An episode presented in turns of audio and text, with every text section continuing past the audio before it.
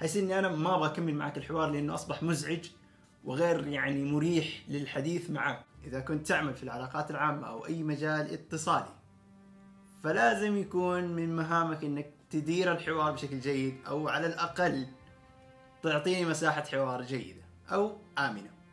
في حلقة اليوم نتعرف على الحديث الآمن. نبدأ حلقتنا.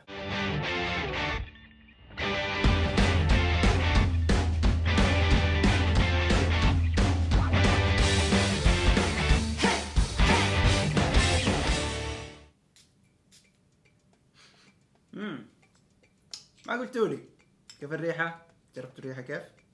حتى لو ما جربتوها يعني هل جيت سألت هذا السؤال لأحد غيري؟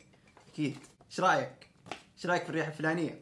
الحديث الآمن له معايير كثيرة جدا في حلقتنا اليوم استندنا على معيارين مهمة جدا والمعيار الأول وهو حريتك في اتخاذ القرار والمعيار الثاني اللي هو تأثير المبدأ هل تغير المبدأ عندك أو ما تغير أو هل تغير فكرتك ولا ما تغيرت الفكرة شكل المعلومة الاتصالية بيكون له نوعين إما لفظي أو مكتوب. اللفظي وعادة يستخدم في المجالات أو في الحديث وغيره. والمكتوب هو حيكون الشكل الرسمي أو الطابع الرسمي الصيغة الرسمية سواء للدول أو للشركات. يفضل قبل أن تبدأ أي حوار لازم يكون في النقطة الأولى واللي هي دعوة للحديث. الدعوة نوع الاتصال فيه بيكون ثنائي الاتجاه أو بيكون أحادي الاتجاه. ثنائي الاتجاه يعني أخذ وعطى وأحادي الاتجاه بيكون واحد يقول والثاني يسمع والثاني الشكل اللفظي للدعوة اللي هي بيكون رأي أو خطاب والشكل المكتوب واللي هو بيكون عادة البيان. واللي يظهر بشكل آخر اللي هو البيانات الرسمية والدولية وموقف. هذه هنا بيكون خطاب أو بيان. حريتك في اتخاذ القرار بالنسبة للدعوة في تأثير نسبي. يعني أنت من الممكن تقدر كده تقول تأخذ بالحسبان فيما بعد.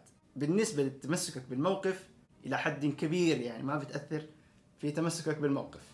أهمية الدعوة اللي هي تكون حجر أساس. أو خلينا نقول الأرضية المشتركة اللي أنا وياك نتفق عليها. أشهر مثال للدعوة اللي هو عندي هرجة اليوم حابب أتكلم معك فيها. أنا حابب أتكلم معاك في الموضوع الفلاني أو الفكرة الفلانية.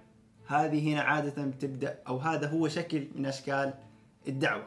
الخطوة اللي بعد الدعوة اللي هي بتكون الحوار أو النقاش. والشكل اللي عادة بيطلع به إيش رأيك؟ دائما هو ثنائي الاتجاه. دائما. يعني دائما في أخذ وعطاء. بالنسبة لشكل المعلومة اللفظي للحوار اللي هو الرأي وتبادل الآراء اللي هو عادة بيكون الحديث أو المحادثة.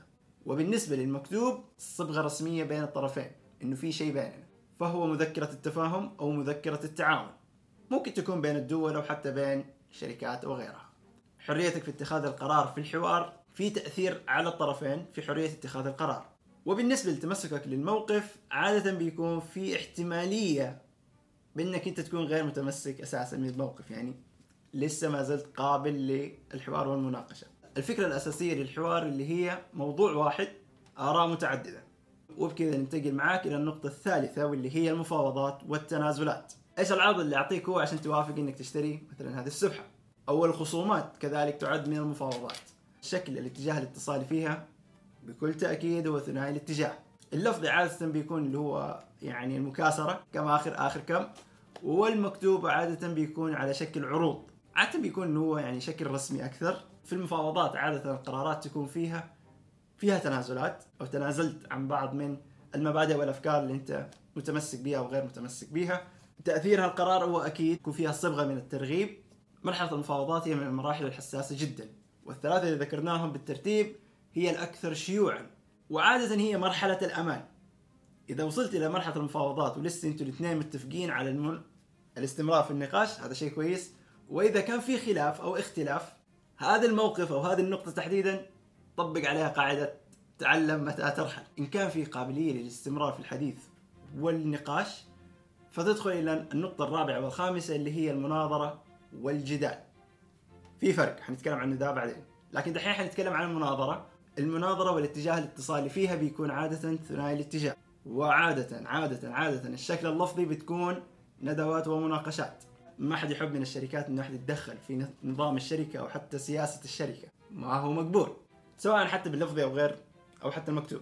عادة تأثير المناظرات بيكون في ترغيب. الآن هنا أصبح في طابع الرغبة أنك أنت تكون منحاز إلى أحد الطرفين. وعادة بيكون فيها تمسكك بالموقف حابب أقنعك بالموقف اللي أنا موجود فيه أو حتى الطرف الثاني هو كمان بيحاول يقنعك بنفس الحال. نبدأ مع الجدال. الجدال نوع الاتصال فيه هو ثنائي الاتجاه أو أحادي الاتجاه. وصفة المعلومة بيكون لها شكلين. الشكل اللفظي هو الحجة والبرهان والشكل المكتوب هو يكون بشيء ملموس تقدر تلمسه. تأثير القراءة بالنسبة لل- للجدال فهو يعني لازم تنحاز إلى أحد من الطرفين. أنت يا مع يا ضد في مبالغة في تمسكك بالموقف لأنك أنت الآن يعني أصبحت وصلت إلى مرحلة ما فيها أي تنازلات. خلونا نبدأ بالفرق بين الجدال والمناظرة. المناظرة فهي بيدخل فيها الادعاء البشري. الجدال هي مية في المية ما فيها تدخلات بشرية يعني أدلة قاطعة. برهان قاطع ما تقدر تناقش فيه.